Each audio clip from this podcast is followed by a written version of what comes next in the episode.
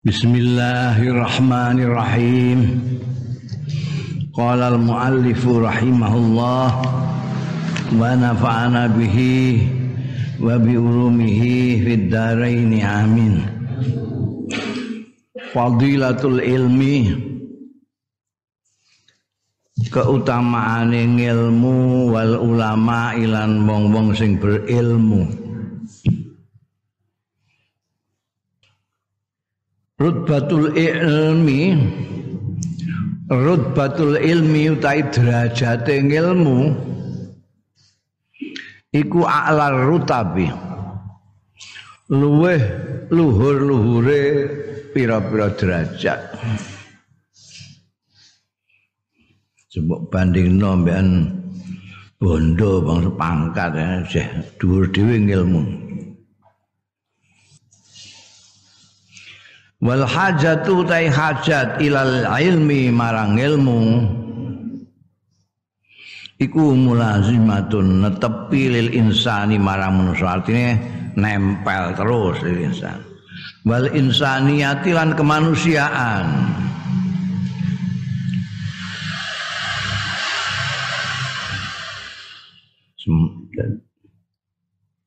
Ke mana pun manusia itu pergi dia terlalu punya kebutuhan terhadap ilmu. Kowe meh dadi apa Selalu memerlukan ilmu itu sekedar jadi tukang cukur aja itu kalau kamu tidak punya ilmu bisa dikepruki wong kowe. Hah? Sirahe wong bundas kabeh. Ya, jadi semuanya menggunakan mulazimatul lil insan wal insaniyah. Wal ilmu tai ilmu iku asasun nahdah. Utai ilmu itu adalah asas. Itu sudah jadi bahasa Indonesia juga asas. Nah, asas tunggal namanya. Jadi dasar kebangkitan asasun nahdati dasar kebangkitan wa taqaddumi lan kemajuan. Wa imadul hadarati lan saka gurune tiangnya.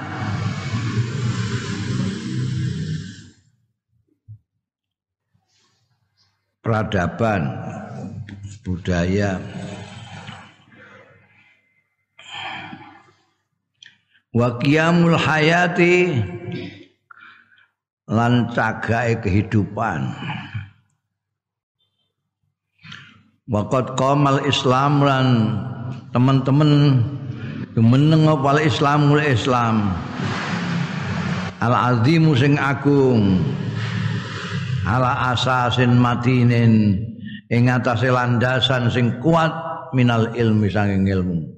Jangan kira Islam itu hanya dogma saja. Islam itu berlandaskan atas ilmu. Jeng Nabi Muhammad sallallahu alaihi wasallam diutus oleh Allah Subhanahu wa taala dan diajari ilmu-ilmu yang luar biasa sehingga dari adanya kanjeng Nabi Muhammad Sallallahu Alaihi Wasallam membawa agama Islam ini muncul ilmu-ilmu yang luar biasa banyaknya. Ada ilmu lughah, ilmu nahwu, ilmu saraf, ilmu tafsir, ilmu hadis, ilmu mustalah hadis, ilmu apa namanya?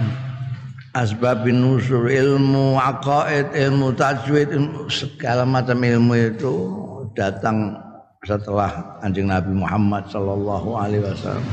Orang tidak bisa memahami Al-Quranul Karim tanpa ilmu-ilmu itu. ya, jadi Islam itu sendiri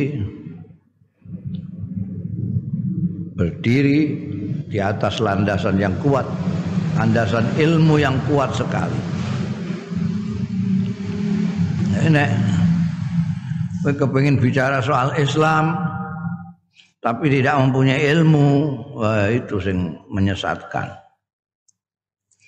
Jadi menyesatkan. Zaman akhir itu Islam dianggap hanya dogma saja, tidak berlandaskan ilmu sehingga setiap orang berhak mengaku ahli Islam. Tapi nek gak apa namanya ndak duwe ilmune ya hanya pengakuan kosong. Wa dalilul wadih. Utawi dalil sing cetha yang jelas ala hadza ing atase iki iku anna awwala ayatin. Setuhune kawitane ayat nazalat kang tumurun minal qur'anil karim saking al qur'anul karim Ya ya awalu ayatin fil ilmi ku ing dalam ilmu. Iqra bismi rabbikal ladzi khalaq. Bacalah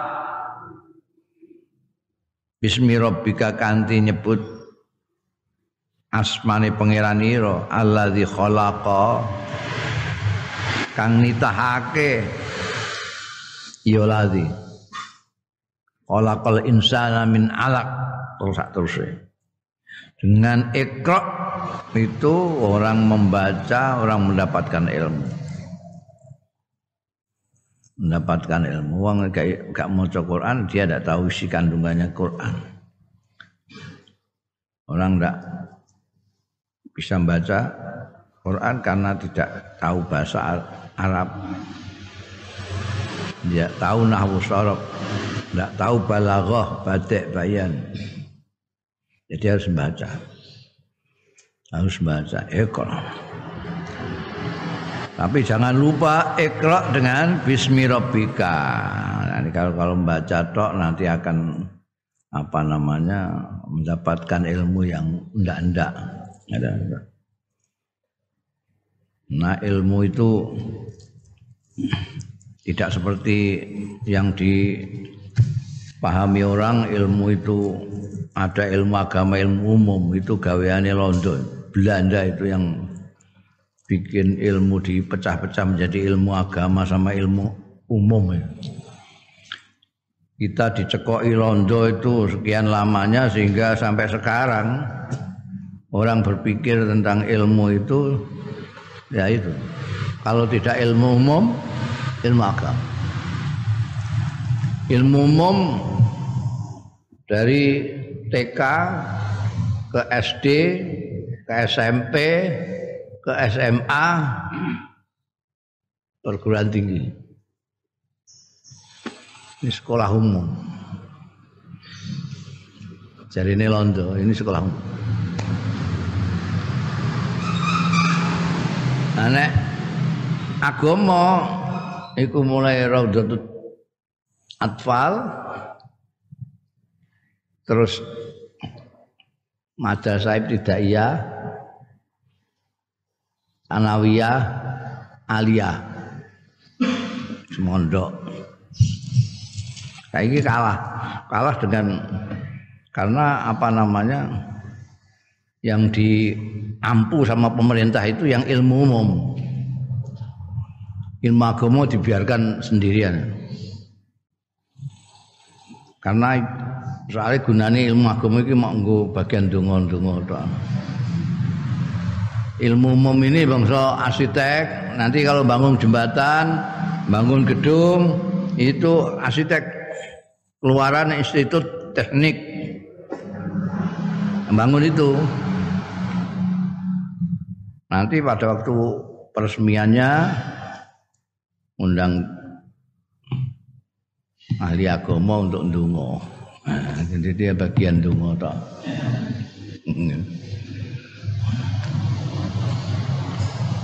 itu itu udah lama. Belakangan aja ada pemberontakan dari pesantren-pesantren sehingga pesantren terus tidak mau hanya apa mengajarkan seperti biasa Bandungan seperti ini. Sekarang ada sekolahnya semua. sekolah model sekolah umum istilah sekolah umum padahal kalau menurut di dalam Islam itu tidak ada ilmu umum ilmu agama tidak gara-gara politik Belanda yang mendikotomikan ilmu ini akhirnya ada kelucuan-kelucuan di dalam kehidupan pendidikan kita. Misalnya anakmu sekolah di mana? Anak saya sekolah madrasah. Itu enggak lucu itu. Sekolah kok sekolah madrasah itu yang maksudnya madrasah itu apa? Dan ada orang sekolah madrasah. Oh, ya ini madrasah nanti. Ya sekolah SD apa SMP Ada sekolah, ada sekolah, ada madrasah. Ada toko buku, ada toko kitab. Jadi gara-gara itu, toko buku, toko kitab. Kalau madrasah carinya buku di toko kitab. Tidak ada di toko buku, tidak ada. Toko buku itu untuk yang sekolah umum. Mana yang goleki karangannya buku-bukunya Kiai Bisri Allah Yarham Kiai Bisri Mustafa yang ratusan itu di Gramedia nggak ada, di Gunung Agung nggak ada, di toko-toko buku nggak ada. Adanya di toko-toko kitab. Nah, toko kitab ada. Ya. Toha Putra, Menara Kudus, Asaka, apa Alinaban ada. Baliknya kalau bukunya Mustafa Bisri cari di Toha Putra ndak ada, di anu ada. Adanya di Gramedia, ya Soalnya buku. Kalau itu kan kitab. itu aneh tapi kita kita kunyah-kunyah terus itu. Kita, padahal kan menurut Imam Ghazali itu ilmu itu hanya dibagi menjadi dua. Hanya dibagi menjadi dua ilmu untuk Imam Ghazali dibagi dua. Semuanya fardu karena tolabul ilmi faridotun. Jadi tolabul ilmi faridatun. Fardu semua. Mencari ilmu itu fardu. Wajib. Karena kamu tidak akan bisa mengenal Tuhan tanpa ilmu. Tidak bisa mengenal kanjeng Nabi Muhammad Sallallahu Alaihi Wasallam tanpa ilmu. Jadi menurut Imam Ghazali hanya ada dua. Yang satu fardu ain, yang satu fardu kifayah. Tidak ada umum. Dulu saya diwawancarai ya, majalahnya MUI Pusat. Menurut Gusmus apa apa pelajaran-pelajaran umum apa yang dia sebaiknya diajarkan di pesantren-pesantren. Itu. Yang sampai maksudkan dengan pelajaran umum itu apa tak kok ini? Ya yang tidak agama. Nah yang dimaksudkan pelajaran agama yang bagaimana? Yang bagaimana? Nahwu sorob itu ilmu agama apa ilmu umum? Bingung deh. Soalnya nahwu saraf itu gramatika. Agamane ning ndi sih? Eh? Mau ilmu gramatika, ilmu bahasa. Saya terus ini aku hati ini. yang wartawan kan saya kok yang tanya bapak. Nah ini aku nggak cocok soalnya nggak cocok saya dengan itu dikotomi bikinan Belanda itu saya nggak cocok. Sampai sekarang masih dikunyah-kunyah menteri-menteri masih bilang begitu. Akibatnya itu sekarang ini yang ahli umum itu nggak ngerti agama. yang ahli agama gak ngerti dunia gak ngerti dunia ya mulanya terus ahli agama ini dalam pengertian keluar apa keluaran pesantren ini bodoh itu sebagai ahli dunia ini. Dia gak ngerti dunia. Bodoh itu saya. Ana pemilu dikon golek swara. Ngono tok bangsane ngono-ngono iku. Nggaweane ahli agama. Mergo ahli agama akeh sing do santri ini pirang-pirang. Aku kepengin doning swarga kabeh. Ya ana pemilu-pemilu terus do mara ning kiai-kiai. Kaya ngewangi golekno swara. Ngono tok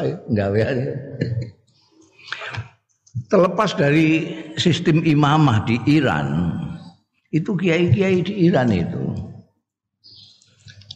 kiai-kiai di Iran ayatullah ayatullah itu dia menguasai ilmu tidak hanya ilmu tauhid ilmu tafsir ilmu enggak. Dia tahu falsafat tahu budaya tahu seni tahu militer ini ana kiai gawe syair ngono kaget kabeh. Kiai kok penyair. Dulu mangsamu Sayyidina Umar bukan penyair, Sayyidina Ali bukan penyair, Imam Syafi'i bukan penyair. Imam Syafi'i punya antologi puisi Diwan Syafi'i. Imam Ali bin Abi Thalib malah luar biasa itu karya-karyanya Nahjul Burda. Apa namanya? hmm, eh, Diwan Al Imam. Sahabat Umar Sayyidatina Aisyah itu bisa bikin syair irtijalan, improvisasi. Improvisasi. Tidak kayak penyair kita kan harus saulan terungulan gaya puisi itu. Ini sakal. Itu yang bisa begitu itu masih saya cari buktinya. Saya baru dengar-dengar itu Hadratus Syekh Hashim Asy'ari yang bisa ngomong begini lalu sambil bersair. Yang lain itu tidak ada penyair-penyair mulai Rendra Sapardi Joko Damono sampai Sutarji Kasubahri tidak ada Sosiawan Lea itu paling cepat sehari. Sebab sakal tidak bisa. Oh, itu karena karena di pondok itu sebetulnya itu diajari banyak ilmu sebetulnya yang kalau kita lihat secara nektar itu ilmu umum menurut istilahnya orang salah kaprah itu nahwu sorok itu gramatika, ilmu umum. Balaghah, badek ma'ani, ilmu sastra. Itu umum juga. Apa sih enggak umum? Ilmu tafsir. Ilmu tafsir, ilmu menafsiri. Ya umum juga. Yang umum mungkin paling tauhid itu. Karena memang menurut Imam Ghazali yang fardu ain itu ilmu untuk makrifatullah untuk mengenal Allah itu fardu dan untuk supaya kita menjadi kaulane Gusti Allah tentang sembayang, tentang poso, tentang anu itu fardu ngain. Karena itu kefarduan kita, kita wajib untuk mengetahui itu. Liane fardu kifayah kabeh, ilmu kedokteran fardu kifayah. Ilmu kedokteran, ilmu pertanian, ilmu teknik, segala macam itu semuanya fardu kifayah. Ya. Biyen iku wah ono anak kiai kok sekolah umum, sekolah umum. Di sekolah negeri SMP asal, wah dirasani wong tak jagat iku kiai kok sekolah umum.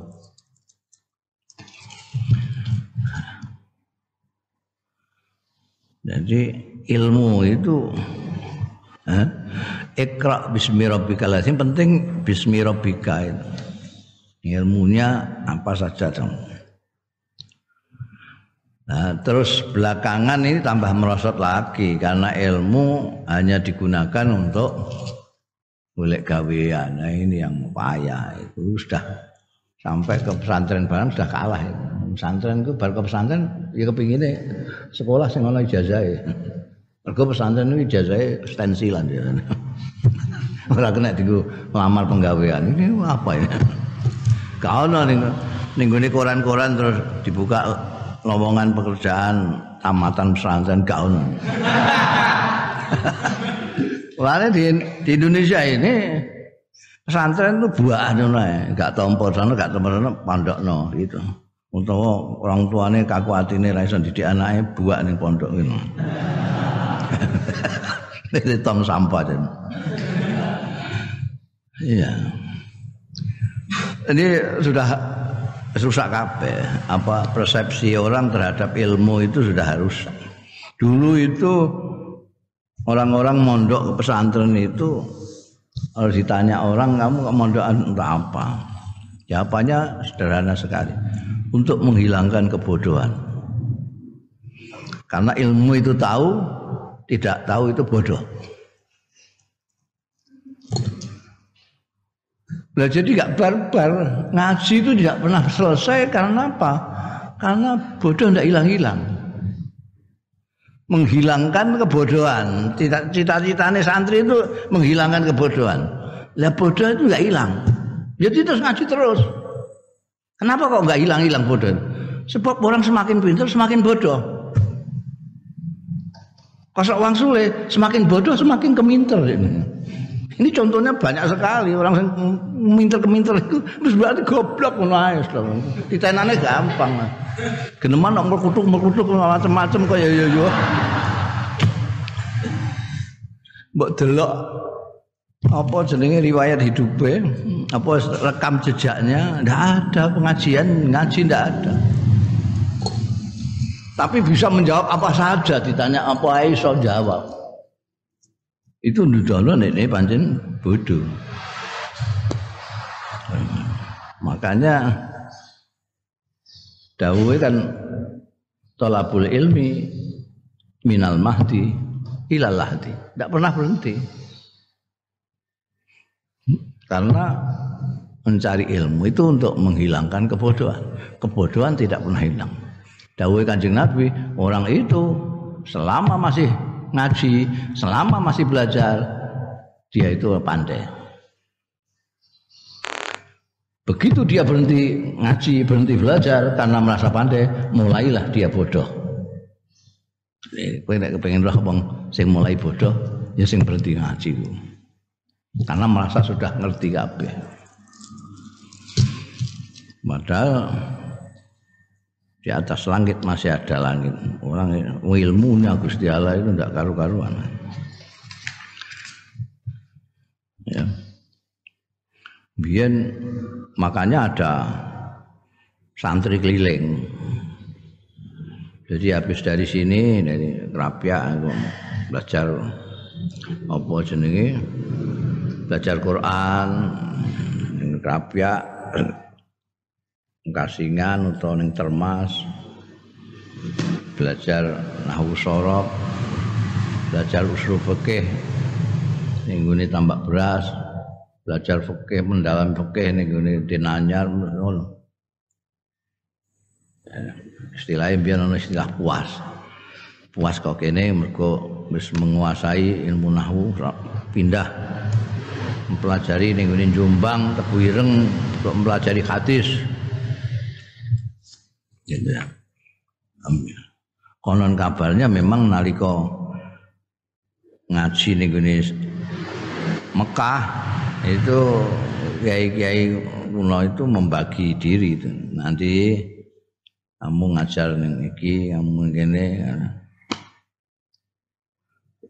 kowe ahline usul fikih kowe pondok pesantrenmu takhasus usul fikih kowe fikih Quran tafsir. Kabare ngono. Terus ana napa jenenge? Ana sing bagian kutha bareng ya nek bagian kutha nyedaki kerajaan ana. Ki Dahlan. Ya Muhammad Dahlan sing Muhammadiyah. Itu kutha. Gak wae ning kutha Nek mbok delok cara ibadah ya persis padha mek sak guru, sak perguruan karo Ki Hasim Asari.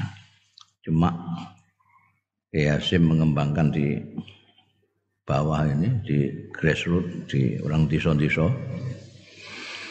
Karena non kooperasi tidak mau bersama Londo barang nggak gelem.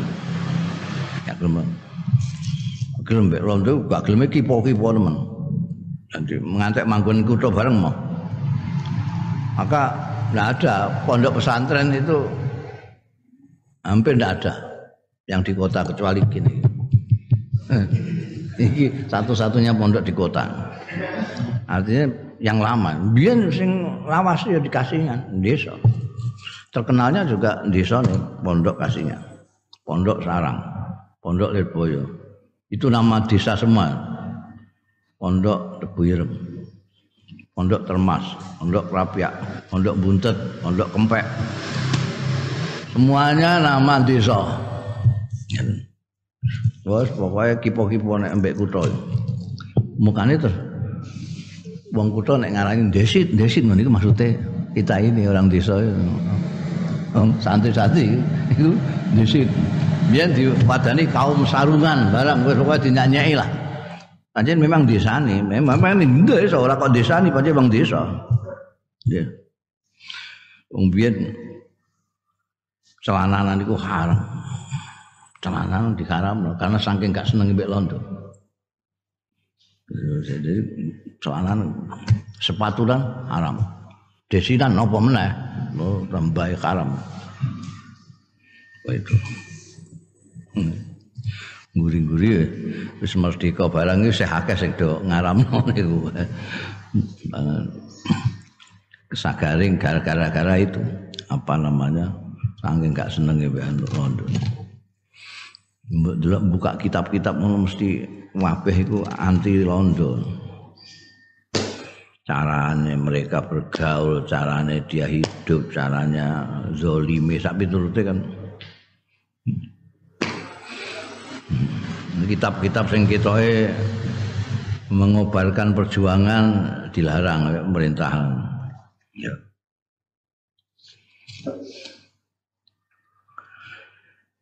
Eh, wa aqsama lan sumpah sapa Allah Gusti Allah bil qalam.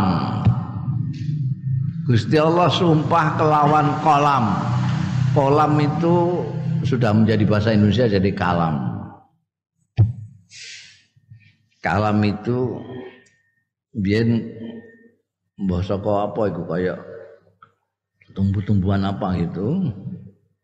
Sing dibuat nulis iku iku terus diterjutno ning ngene mangsibak mangsibak itu masih Cina.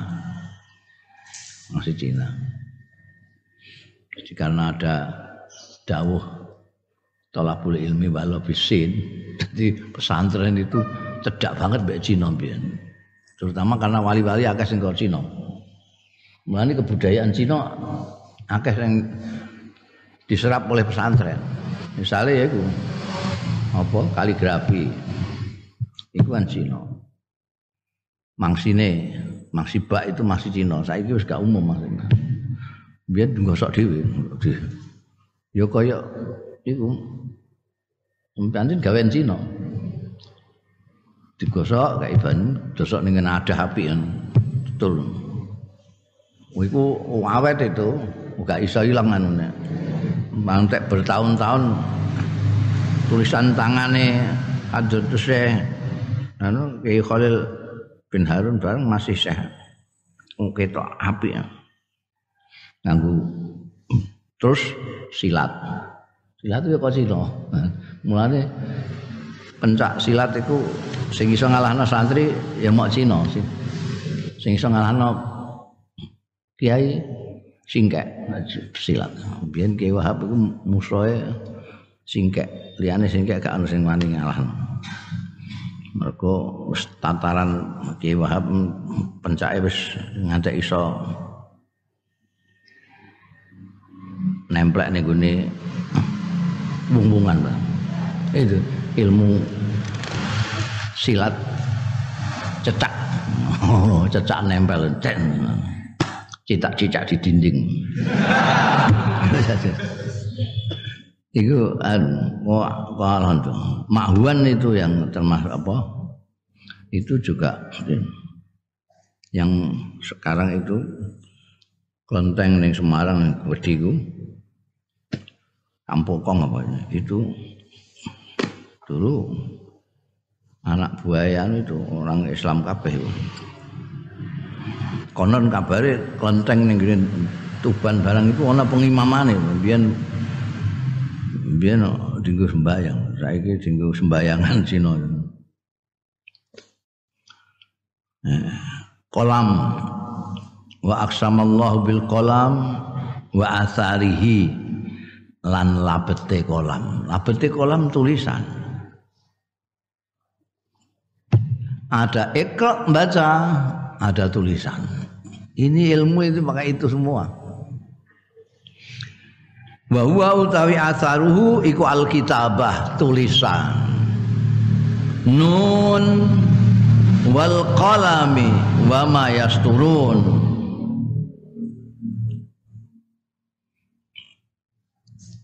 Nun niku kaya alif lam mim barang ya. Kaf ha ya ain sad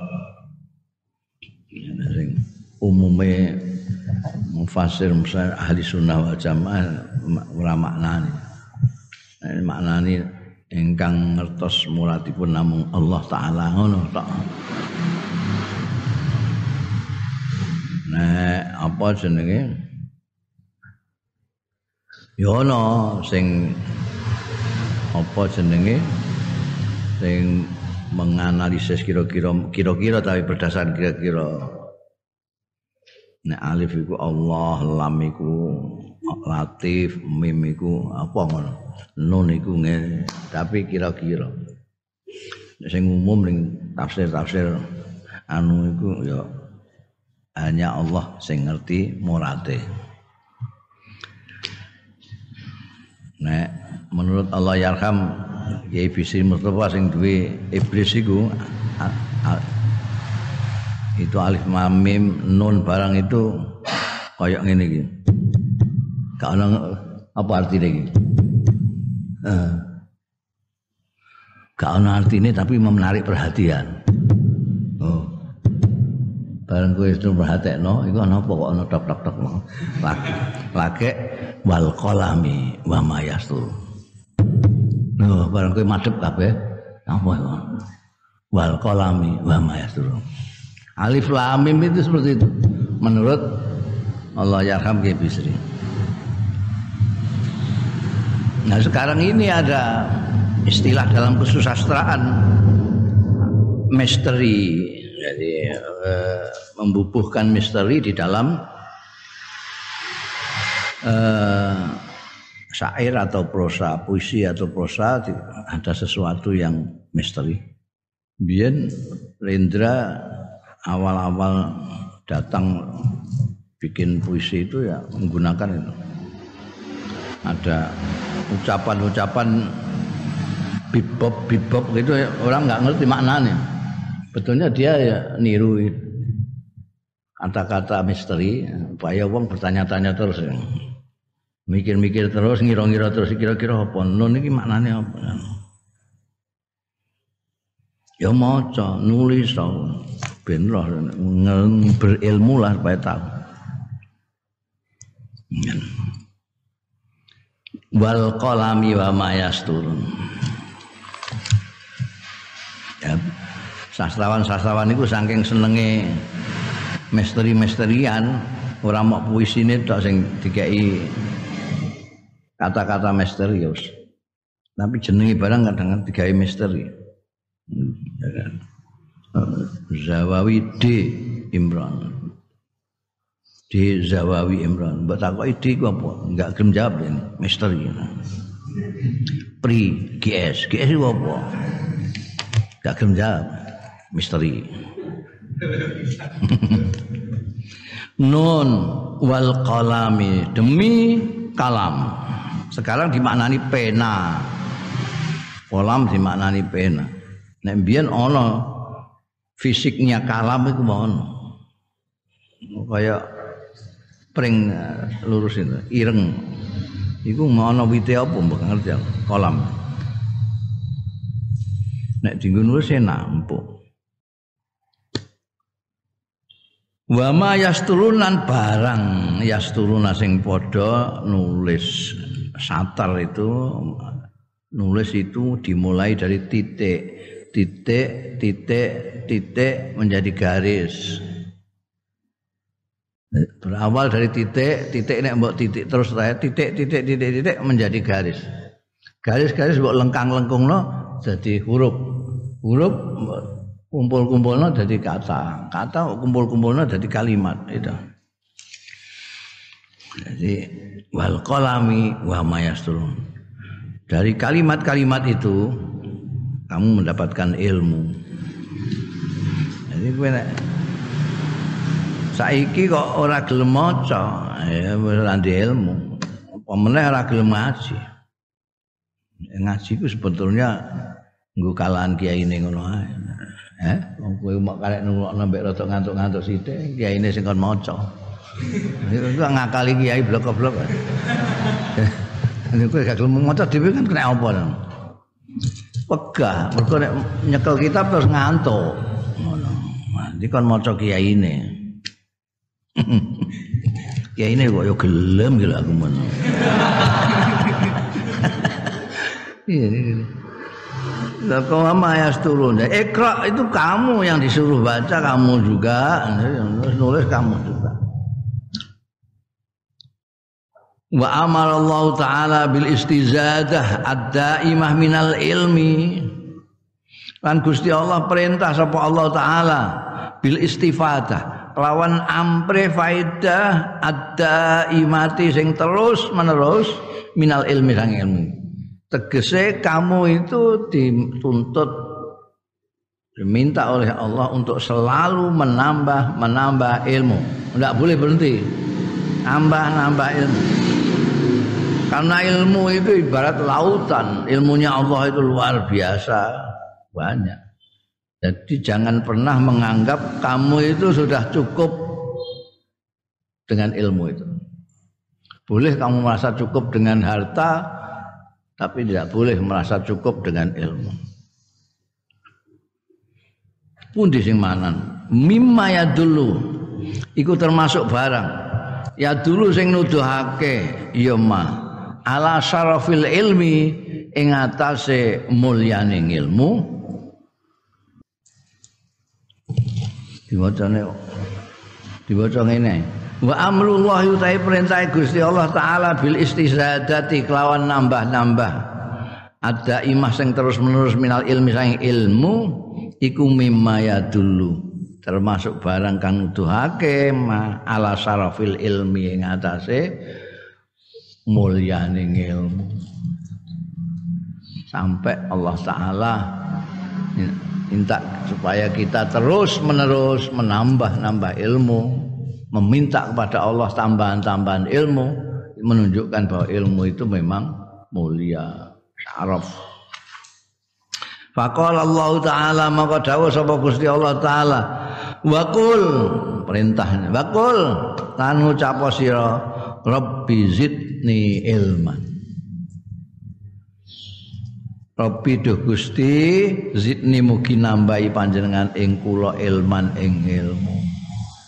Iki dungane Kanjeng Rasul sallallahu alaihi wasallam ing iso mbok ngamalno sebagai talibul ilmi santri itu akeh-akeh maca rabbi zidni ilman nafi'ah rabbi zidni ilman nafi'ah terus tambah-tambah. Kan nah setiap kali kita itu dituntut menambah menambah menambah pengetahuan kita. Kita mencari ilmu sambil memohon kepada Allah Rabbi zidni ilman seperti sudah berkali-kali saya katakan kita itu ikhtiar harus dari dua arah. Ikhtiar yang lahiriah kita mencari ilmu ngaji terus tapi juga Rabbi zidni ilman. Bersamaan antara berdoa dan berusaha. Hmm. era bahasa latinnya wa nafallahu taala at-taswiyah bainal ulama wal juhala. Lan nafeake sapa Allah taala atas wiyata ing persamaan bainal ulama wal juhala. Gusti Allah tidak eh, tidak menyamakan tidak ora padha. Faqala mongko dawuh sapa Allah taala Qul hal yastawil ladzina ya'lamuna wal ladzina la ya'lamun Katakan Muhammad hal yastawi? Ana ta padha sapa alladzina ya'lamun? Wong-wong sing berilmu sing ngerti waladzina la ya'lamun lan wong-wong sing ora padha ngerti orang-orang yang tidak ngalim tidak sama. Tidak sama. Pertanyaan ini tidak sama. Orang yang ngerti dengan orang yang tidak ngerti. Orang yang tidak ngalim dan tidak ngalim. Podo-podo pidato nih podo-podo ceramah iku ketok. Sing ora ngerti itu menyesatkan. Sing ngerti ilmu mencerahkan. Jadi tidak sama. Kamu bisa bedakan itu foto-foto nganggo mike foto-foto intonasinya bagus ngomongnya api tapi ketahuan orang yang punya ilmu atau tidak itu ketahuan. Itu nek kue titen, nek angger sing bungu pedoman mau cangkem itu, mbek gaya itu, ya. Dan akibat yang paling buruk adalah kalau yang alladzina layak lamun itu menyesatkan karena dia berbicara tanpa ilmu. Bicara saiki ku akeh bicara tidak pakai ilmu itu. Dan orang itu mengetahui satu ilmu merasa dirinya mengetahui semua ilmu ini kacau nih kan yang gitu jadi itu yang mengacaukan, membuat gaduh itu kan itu, yang membuat gaduh dunia masyarakat itu. Ini orang-orang yang tidak kompeten. Tidak mestinya harus bicara soal itu, dia bicara soal itu. Dia memang ahli profesor, tapi profesor ekonomi. Bicara soal kesehatan, dia ngaco. Ngaco. Apa meneh? Dia belas ora tahu sekolah, ora profesor apa. Terus bicara soal agama, kacau balu. Rusak gaduh. Mengakibatkan rusak. Lho nek anu saya gampang kalau ilmu-ilmu umum lah dalam tanda kutip lah ya. Nek mamane iki ini dokter ahli kesehatan. Iki dokter hukum, iki dokter itu karuan. Umpamane dia dokter hukum ngomong soal ekonomi, aja kok rumah ngono gampang itu. Ini, ahli teknik ngomong soal kesehatan. Wis rumah ngono ae. Tapi sing angel iki Iki gak ana diploma iki. Ustaz itu tanpa diploma. Ustaz apa iki? Iki ahli apa jeneng? Ahli tafsir? Ahli hadis? Ahli nahwu? Ahli tauhid apa ahli apa? Mau ahli geneman. Wah, ini repot, repot naik, repot. Caranya bagaimana ya? Rekam jejaknya. Jadi mestinya kalau tidak pakai diploma seperti dokter, insinyur, SH hakim. Kalau tidak begitu ya rekam jejak. Itu jangkir aja yang wong pidato dalil sithik inamal amal biniat. La in sakartum la azidan aku mulai wis wah. Mbok subya-subya. Karena tidak ada diploma dan tidak mau mesti dikai sertifikat kamu. Biar kan anak sing usul sekarang disertifikasi aja. Gak ngamuk kabeh. Wah, lama kok disertifikasi. Siapa yang akan memberikan sertifikat itu? Oh, lo ngamuk-ngamuk. Saya ini tidak usah sertifikasi. Rekam jejaknya saja. Ditita ini kalau masyarakat. Masyarakat sing saya waras. Mereka sing ora waras wis melok. Kan gitu. Sing ora waras wis kadung melok ini. Jadi sing waras-waras iki ae ndelok rekam jejake. Nek ana ngomong dalil barang sak piturute direkam jejake. Iki ngajine ning ndi? Kiai ini sapa? Kan gampang iku nek rekam jejak.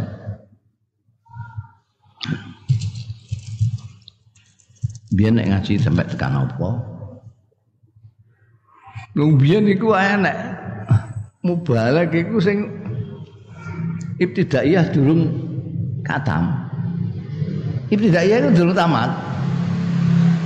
Tapi fasih, cangkemmu itu fasih.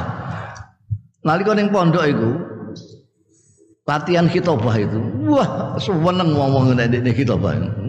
Oh, apik kaya mubalek tenan ya. Akhirnya ana sing iseng-iseng diundang ning desane kono. Eh, ndekne gawakno murutan cilik-cilikan, kancane diundang. Wah, ning kono untuk perhatian banyak iku. Suweneng wong kampung kono, krungu kono kong apa? Tangga kampung. Wah, sumpen aku kancamu sing anu iku tak undangi rejepan ning nggonku ya. Ya ya. Rejepan. Wah, akhirnya terkenal, akhirnya leren ora ditutup nang sekolah ibtidaiyah iki mang.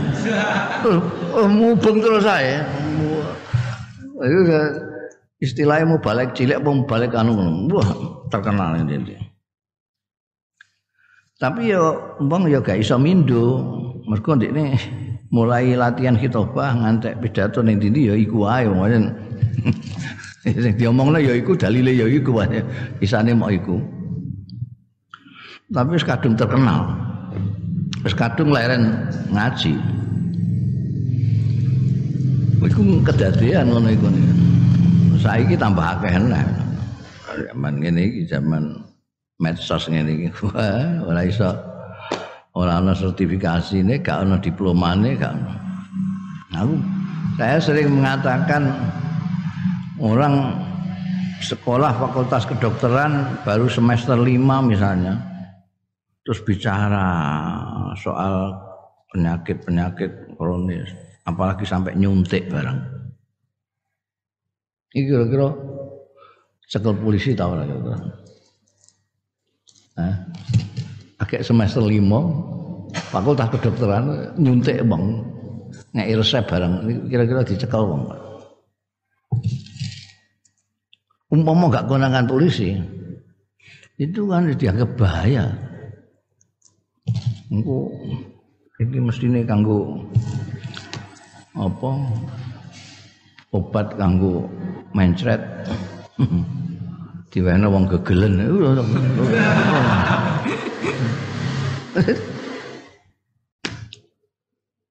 Iku bahaya.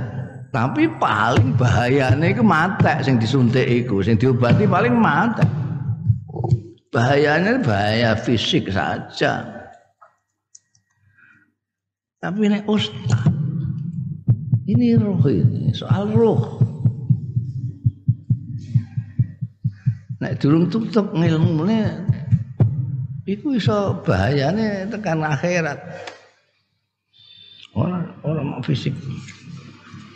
Yang fisik itu wah tuh melokno nemen banget iku ngantek didelok sik iki wis tahu apa jenenge? Praktek porong wisudane kapan ya dokter?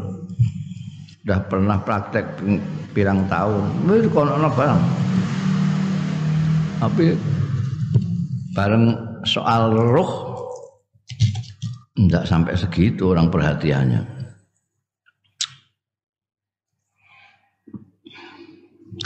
Aila istiwa abainahum tegese ora ana blas.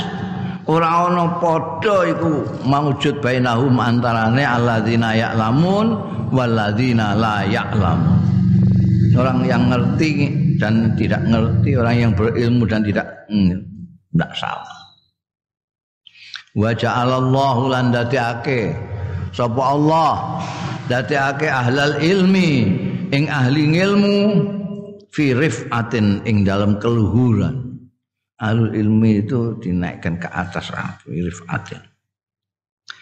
Wa khassahum lan istimewakno sapa Allah ing ahlul ilmi bimanzilatin aliyatin kelawan kedudukan yang tinggi kedudukan sing luhur. Faqala subhanahu mongko dawuh sapa Allah subhanahu yarfa'illahu alladhina amanu minkum walladhina utul ilma darajat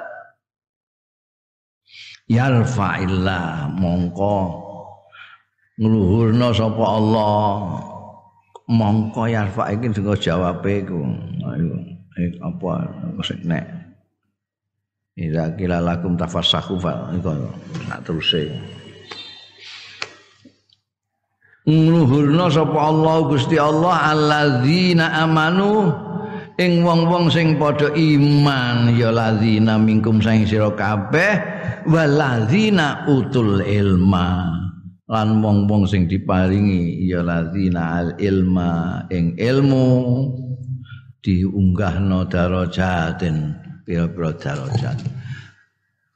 Saya sudah pernah bilang kalau darajah itu ke atas, undak-undakan ke atas. Kalau darokat ke bawah. Jadi, mudun aja mbok kandakno darajat tapi darokat. Munggah darajat.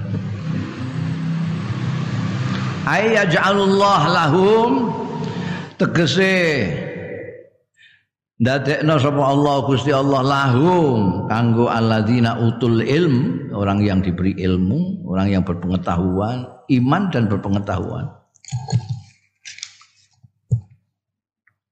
Dadekake manazila ing tempat-tempat tinggal fil jannati ing dalam swarga.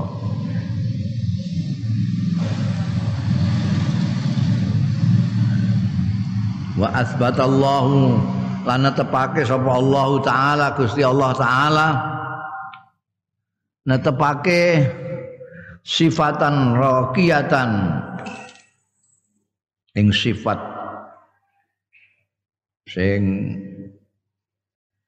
luhur terhormat lil ulama'i kanggo wong-wong alim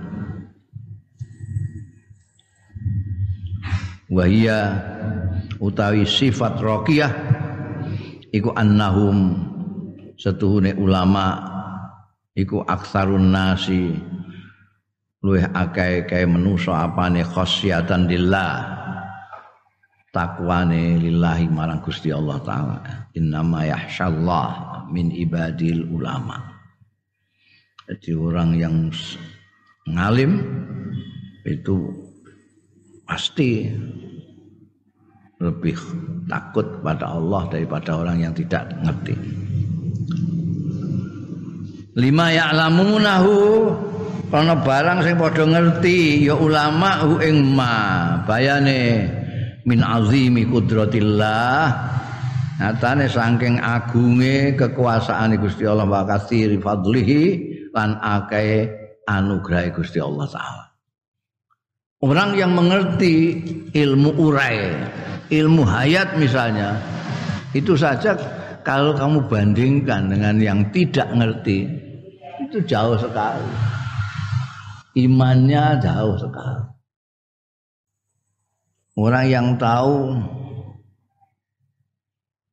apa namanya bahwa air itu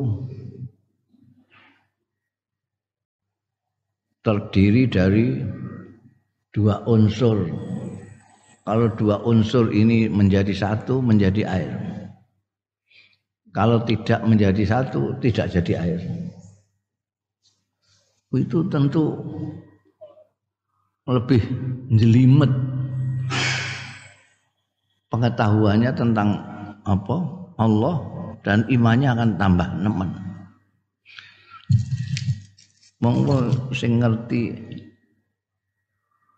ilmu hayat ngerti ini tulang belulangnya manusia itu sekian di apa?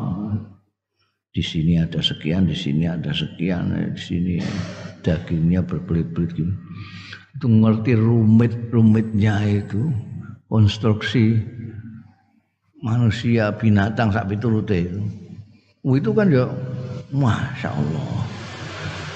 Ini Gusti Allah itu gimana kekuasaan Allah hebatnya kayak begini. Ngerti? Enek beda kok wong sing ya semak ngertine ya apa jenenge? Mu iku jenenge pitik ya enak nek diopor ngono ae ngertine kadang-kadang dari luarnya saja. Oh pitik itu cenggere apik wulune apik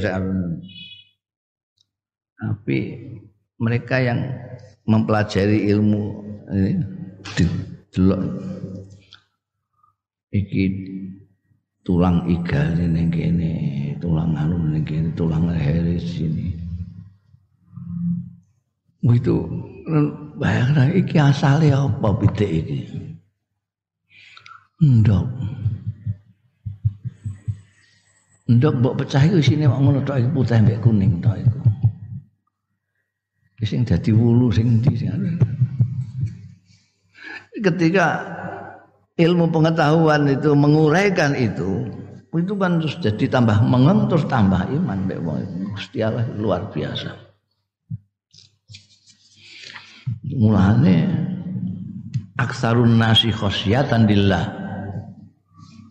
hanya lebih takut lebih takut karo Gusti Allah orang, orang ngerti orang ngerti ini mau bolak-balik muni Allah, Allahu Akbar, Allah, Allah Akbar. Berapa sih kekuasaan Gusti Allah itu?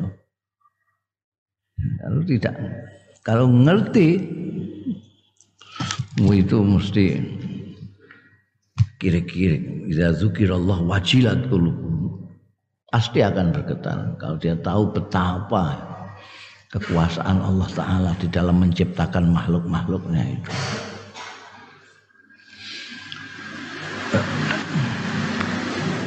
Waradat ahaditsun nabawiyah katsira. Tumeka apa pira-pira hadis nabawiyatun kang bangsa kenabian kathiratun sing akeh. Tusayyidu bi fadlil ilmi. Ma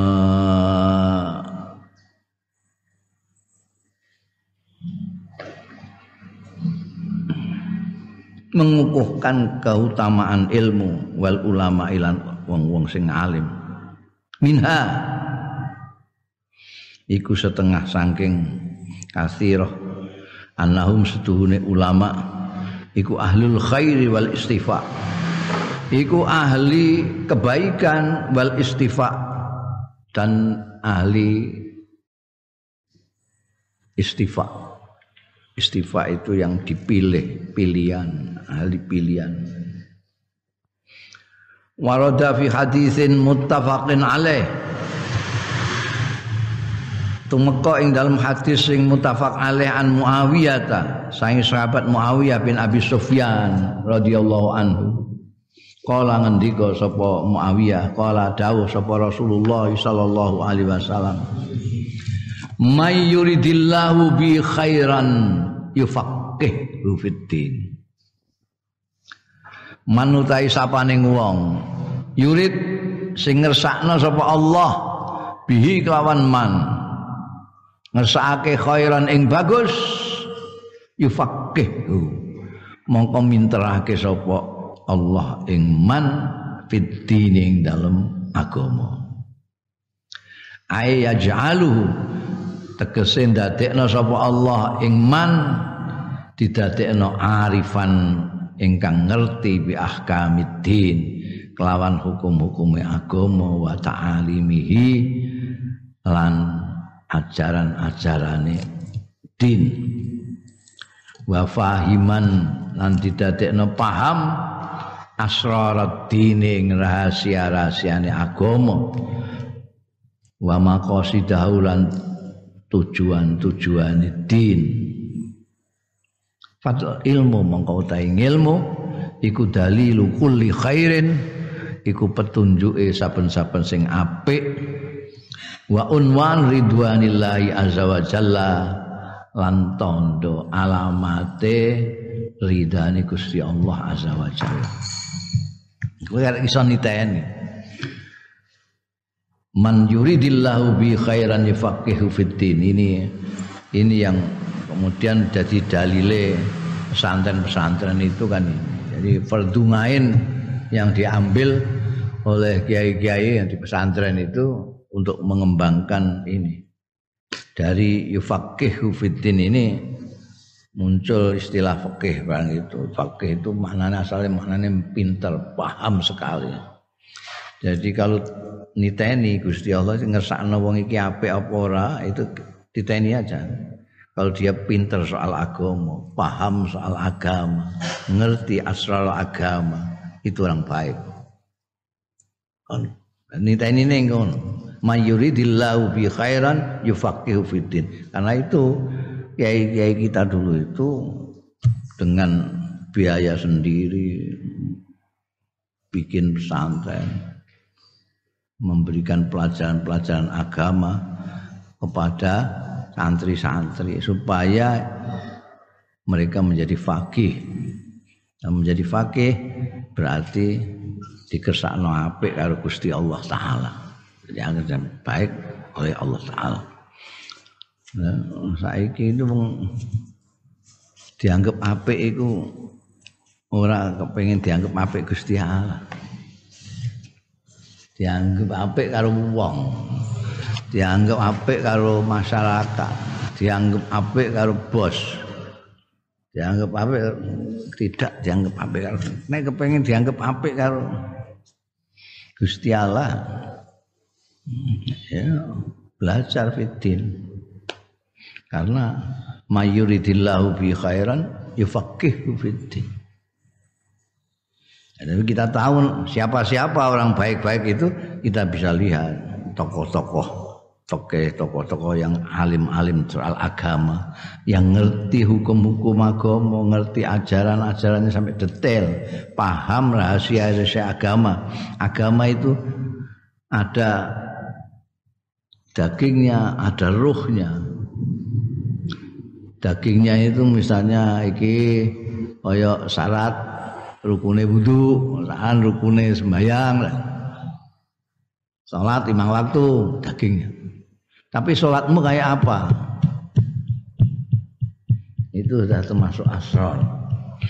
Ada orang yang paham tidak hanya mengerti tentang syarat rukun sembayang dan melaksanakan sembayang tapi menghayati sembayang itu sebagai sesuatu penghambaan kepada Allah dan rasa syukur kepada Allah untuk komunikasi untuk mi'raj sesuai kaya anjing Nabi nalika mi'raj itu. Sampai sedetail itu dia ngerti itu. Itu orang yang fakih bidin ngerti jadi mulane apa jenenge pondok-pondok pesantren itu dulu tidak mempunyai apa, namanya eh, cita-cita nanti akan jadi pegawai kantor agama, dosen IAIN, dosen kaum, kaum. Malah biar nih kajian itu, itu ketika direktur saya Mbah Dolah Salam itu atau tidak boleh kalau mempunyai tujuan itu ya sudah tidak usah sekolah di sini tidak usah ngaji sini Tidak boleh punya tujuan selain apa tafakuh fitin, tafakuh fitin. Karena dengan tafakuh fitin itu menjadi orang yang khair. Kalau sudah baik, kabeh akan gampang. Karena kita itu cekak terlalu khawatir itu, khawatir nanti kalau saya tidak punya ijazah, saya nanti kerjanya di mana? Biar santri semua kayak kerja di mana? Eh, eh, ya ya sama santri-santri semua kayak biar itu terus kerja apa saya? Iku nek jadi pegawai kabeh. entek iku. Jatah pegawai pegawai negeri entek kabeh. Dileboni santri-santri. Ada. Ya, wujudnya ya udah urip kabeh. ya urip terus dadi. Eh? Wah, aku aku itu belas ora sekolah itu mau SR tok. SR ae ijazah hilang. SR ijazah hilang. Wis ora tahu. Sekolah formal itu SR 6 tahun. Pitung tahun mergo gak munggah sedina gak munggah kelas siji gak munggah. Gak cocok aku mbek sekolah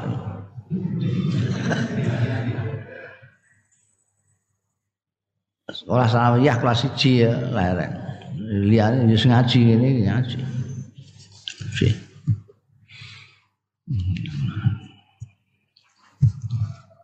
ya ora ana niat engko dadi anggota MPR barang gue cukup-cukup jadi anggota MPR ya mbah piye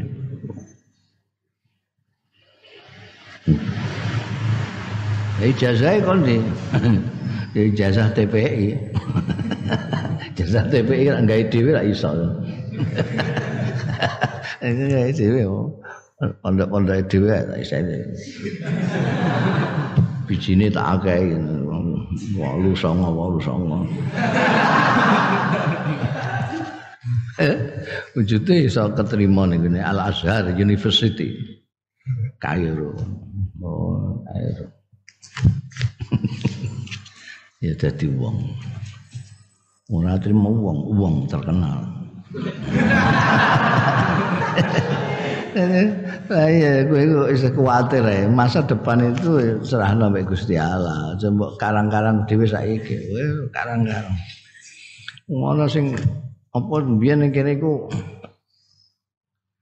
kepingine dadi dadi apa jenenge cita-citane jadi sep sep itu kepala stasiun jadi mbak Allah cita-citanya jadi kepala stasiun prit pokoknya kereta api nggak berjalan kalau dia tidak.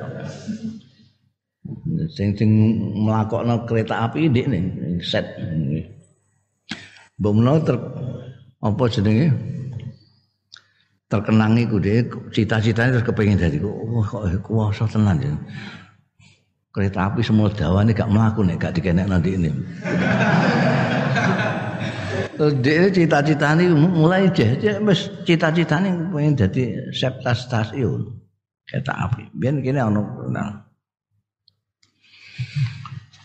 nggak keturutan nggak keturutan akhirnya terus neng dinding gak sempritan prat prit prat prit tinggal guyonan bocah-bocah cilik ini. Sebel sep prit jadi ora usah mbok mbok gondo-gondo ora usah. Wis pokoke kowe sinau ngaji belajar engko terserah Gusti Allah. Wa abahal islamu at-tanafus fil ilmi. Wallahu a'lam